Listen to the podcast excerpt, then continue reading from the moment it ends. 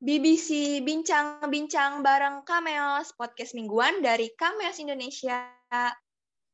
Halo Friends, balik lagi pada episode kedua Bincang-Bincang bareng Kameos. Sebelumnya, perkenalkan, nama aku Via, dan hari ini aku nggak sendirian aja loh, karena aku ditemenin Halo Come Friends, aku Kaisa yang bakal nemenin BBC kali ini bareng sama Via. Wih, halo Kaisa, bagaimana nih kabar kamu selama masa pandemi ini? Alhamdulillah, baik sih. Tapi aku lagi pusing persiapan PAS nih. Bener banget, nggak kerasa dikit lagi udah PAS aja ya. Hmm, conference semua ngerasa nggak sih kalau waktu jadi cepat berlalu? Aku sendiri ngerasain banyak banget perubahan, terutama dari diri aku. Kalau kamu gimana, Kai?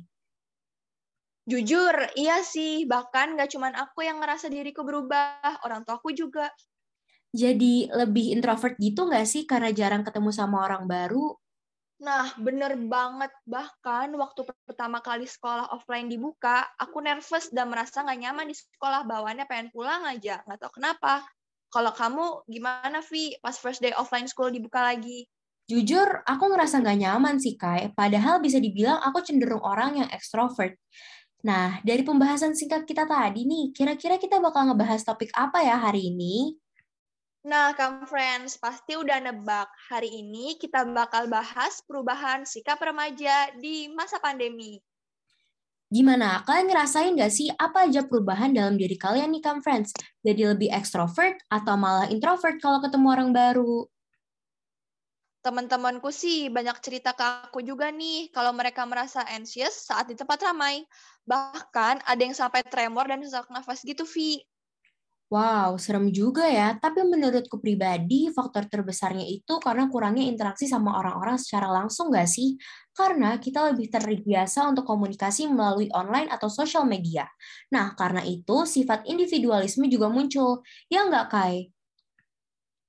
Iya tuh, bahkan komunikasi sama keluarga di rumah juga kena dampaknya loh. Karena kita lebih banyak ngabisin waktu tuh di sosmed. Jadi berkurang dan bahkan bisa memburuk loh guys. Bener banget apa yang kata Kaisa omongin. Karena tanpa kita sadari, pandemi itu menciptakan perilaku baru bagi masyarakat. Nah, kalau misalnya kalian sadar nih, kan, friends, di awal pandemi itu tercipta social panic. Jadi contohnya itu panic buying. Kalau kalian sadar nih ya, kan uh, stok kayak masker, hand sanitizer itu benar-benar sampai kosong di mana pun. Bahkan harganya juga jadi naik. Nah, itu contoh dari panic buying dan bisa menunjukkan indikasi gangguan jiwa. Namun, kalau misalnya ada yang terlihat panik, di satu sisi ada juga yang tetap terlihat tenang kan, friends? Oh iya, bener banget. Lalu setelah itu ada tahap kedua nih conference. Contohnya kayak sedihnya ada, cemasnya ada, paranoidnya juga ada tapi level paniknya berkurang. Nah, di saat ini orang-orang udah mulai sadar dengan apa yang terjadi sama mereka. Bahkan aku pernah baca artikel kalau konseling menurun drastis banget dibandingkan awal pandemi. Yap, bener banget. Lalu kalau yang kita hadapi sekarang itu namanya tahap ketiga, di mana masyarakat sudah mulai bersiap untuk menghadapi hal baru di masa mendatang. Bahkan kalau misalnya ada gelombang ketiga COVID nih, kita udah siap banget. Kita udah bener-bener siap untuk melawan COVID gelombang ketiga. Nah, kalau kalian sadarin juga, uh, mulai muncul banyak kesempatan baru di tengah pandemi COVID. Contohnya, makin banyak nih orang-orang yang berinovasi untuk membuka small business. Kalau kamu sendiri, gimana nih, Vi? Kira-kira perubahan apa yang terjadi pada diri kamu selama masa pandemi ini? Hmm, kalau aku pribadi nih ya, sebenarnya ngerasa masih seperti biasa aja sih, kayak kayak main ketemu temen, walaupun tetap memperhatikan protokol yang ada ya. Tapi ada saatnya aku ngerasa males buat ketemu orang, karena aku ngerasa lebih nyaman diam sendiri di dalam kamar. Jadi sebenarnya bisa dibilang berubah ya berubah, tapi di beberapa saat aja sih. Kalau kamu pribadi gimana nih, Kai? Jujur, sepenyak semenjak pandemi berlangsung nih dan belajar melalui daring, aku jadi gampang overthinking juga stres karena dapat tekanan harus dapat nilai bagus juga nih, tapi aku juga susah mahamin materinya. Uh, aku juga sering ngerasa gampang sendiri gitu, kayak nggak punya siapa-siapa, karena aku nggak bisa punya teman buat ngobrol atau cerita secara langsung kayak biasanya. Yes, bener banget. Selama masa pandemi ini banyak juga kan ya murid-murid di luar sana yang ngerasa kalau materi pelajaran itu semakin susah untuk dipahami. Nah, aku pribadi juga ngerasain banyak kesulitan, apalagi banyak banget hal yang bikin aku nggak fokus saat belajar. Gaya belajar aku selama masa pandemi ini juga berubah banyak banget, Kai.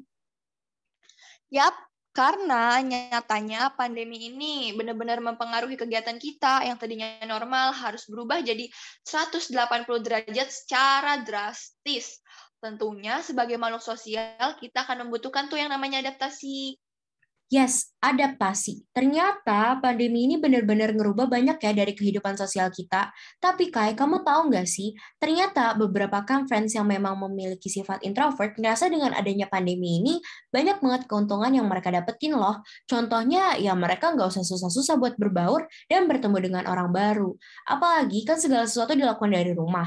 Uh, cenderung membuat mereka juga benar-benar nyaman dengan keadaan saat ini.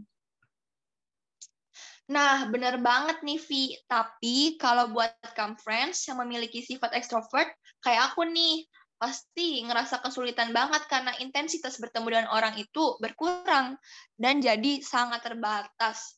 Apalagi kalau mereka ini social butterfly, pasti makin susah nih buat beradaptasi dengan lingkup sosialnya semenjak pandemi. Bener banget. Tapi Kai, walaupun ada pandemi nih saat ini, sebenarnya kita masih bisa untuk memperluas pertemanan kita loh. Contohnya kayak kita saat ini, yaitu dengan ikut organisasi kepemudaan. Karena jujur banyak banget benefit yang kita dapetin, ya salah satunya adalah teman baru. Bener banget, nggak cuman itu, ikut organisasi kayak gini tuh bisa mengasah keterampilan dan menambah pengalaman kita loh dalam teamwork maupun leadership. Nggak cuma itu aja, public speaking skill kita juga diasah loh, Kai. Kayak kita saat ini nih lagi ngobrol bikin podcast bareng. Jadi nih, conference, kalau kalian ngerasa no lab ya bahasa gaulnya selama masa pandemi ini, kalian bisa banget ngelakuin banyak hal baru. Mungkin kalian bisa nyoba sesuatu yang baru yang nantinya bisa jadi aktivitas rutin kalian.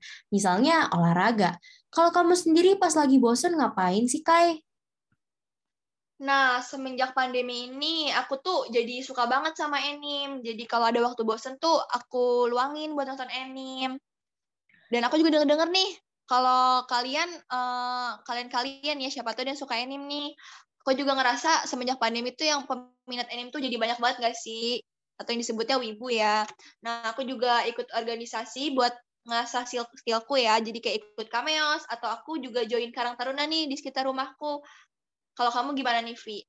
Wah, kamu keren banget, Kai. Banyak banget kegiatannya. Nah, kalau mungkin aku sendiri ya, join organisasi nih salah satu kegiatan aku selama masa pandemi ini. Dan juga paling kalau lagi ada waktu luang, aku drakoran aja sih. Ya, gitu-gitu aja.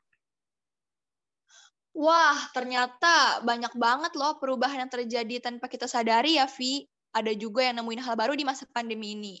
Gimana, Kam Friends? Kalian udah ada hobi baru belum selama pandemi ini?